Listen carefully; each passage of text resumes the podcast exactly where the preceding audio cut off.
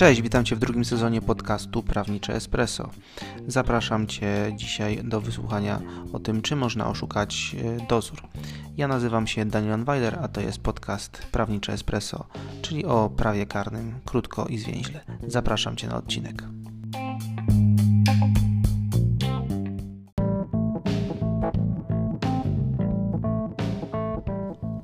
Dozór elektroniczny to sposób na odbywanie kary pozbawienia wolności w warunkach domowych.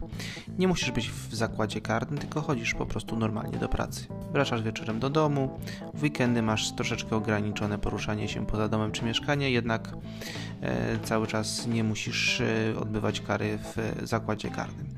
Jednak kara to kara. No i zastanawiasz się tutaj, czy można ten dozór oszukać.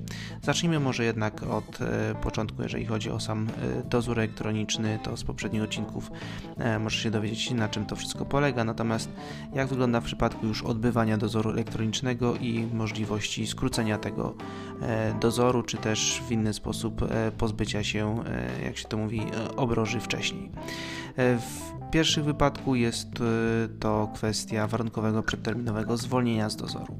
Zbliża się już e, połowa e, Twojej kary, także możesz złożyć wniosek o warunkowe przedterminowe zwolnienie z dozoru elektronicznego. O tym orzeknie oczywiście sąd penitencjarny. Dostaniesz zgodę na takie warunkowe przedterminowe zwolnienie i po upływie okresu próby sprawa dla Ciebie się kończy, karę uważa się za odbytą.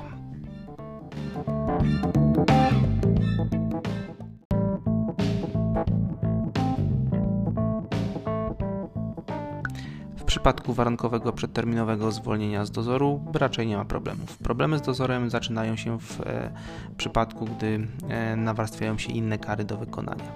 Odbywasz karę w dozorze, a tu nagle przychodzi nowy wyrok, przykład zamiana kary ograniczenia wolności, czyli tzw. Tak odróbek, na zastępczą karę pozbawienia wolności co zrobić. Może się też tak zdarzyć, że przeszkadza Ci po prostu ograniczenie wynikające z dozoru.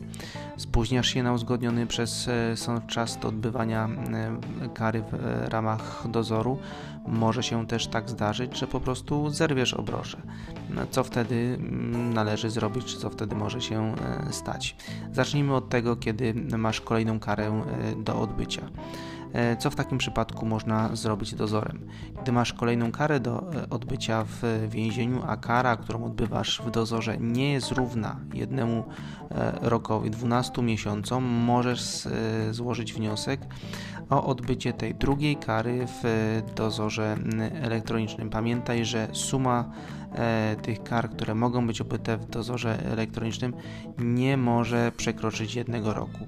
Wniosek taki składasz do sądu penitencjarnego, on wyrazić może zgodę na to, żebyś odbył taką karę w dozorze elektronicznym. E, no gorzej jest w przypadku, gdy niestety notorycznie spóźniasz się, e, żeby być na czas w miejscu odbywania kary. Wtedy sąd może zdecydować o odwołaniu takiego dozoru mm, elektronicznego. No nie jest to przyjemne, a już później niestety dozoru elektronicznego mm, dostać nie można. E, co też stanie się, gdy zerwiesz e, bransoletę dozoru elektronicznego, gdy tą obrożę, którą masz zazwyczaj na nodze, zerwiesz. Zerwanie obroży oznacza samouwolnienie, co jest już zagrożone karą pozbania wolności do lat dwóch. E, uważa się w tym przypadku dokładnie tak samo, jakbyś się samo uwolnił, po prostu uciekł e, z więzienia.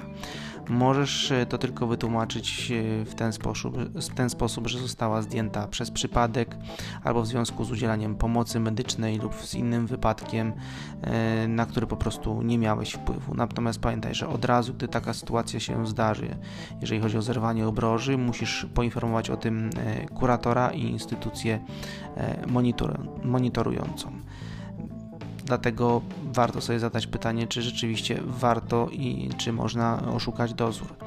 E, jeżeli chodzi o kwestię oszukania dozoru, to nie. Nie można i nie warto próbować oszukać dozór, bo w takich przypadkach narażasz się dodatkową odpowiedzialność karną. Oczywiście resztę kary, którą odbywałeś w dozorze, odbędziesz w zakładzie karnym, no i dołożą ci jeszcze kwestię związaną na przykład e, z samouwolnieniem. Dlatego też e, Uważam, że dozoru oszukać nie można, nie powinno się i lepiej tego nie robić.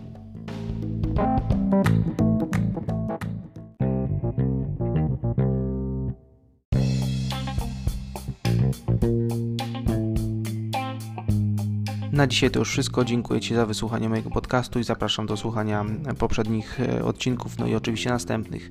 Jeżeli Ci się podobało, zasubskrybuj, polub komentuj. Dzięki, pozdrawiam, do usłyszenia. Cześć.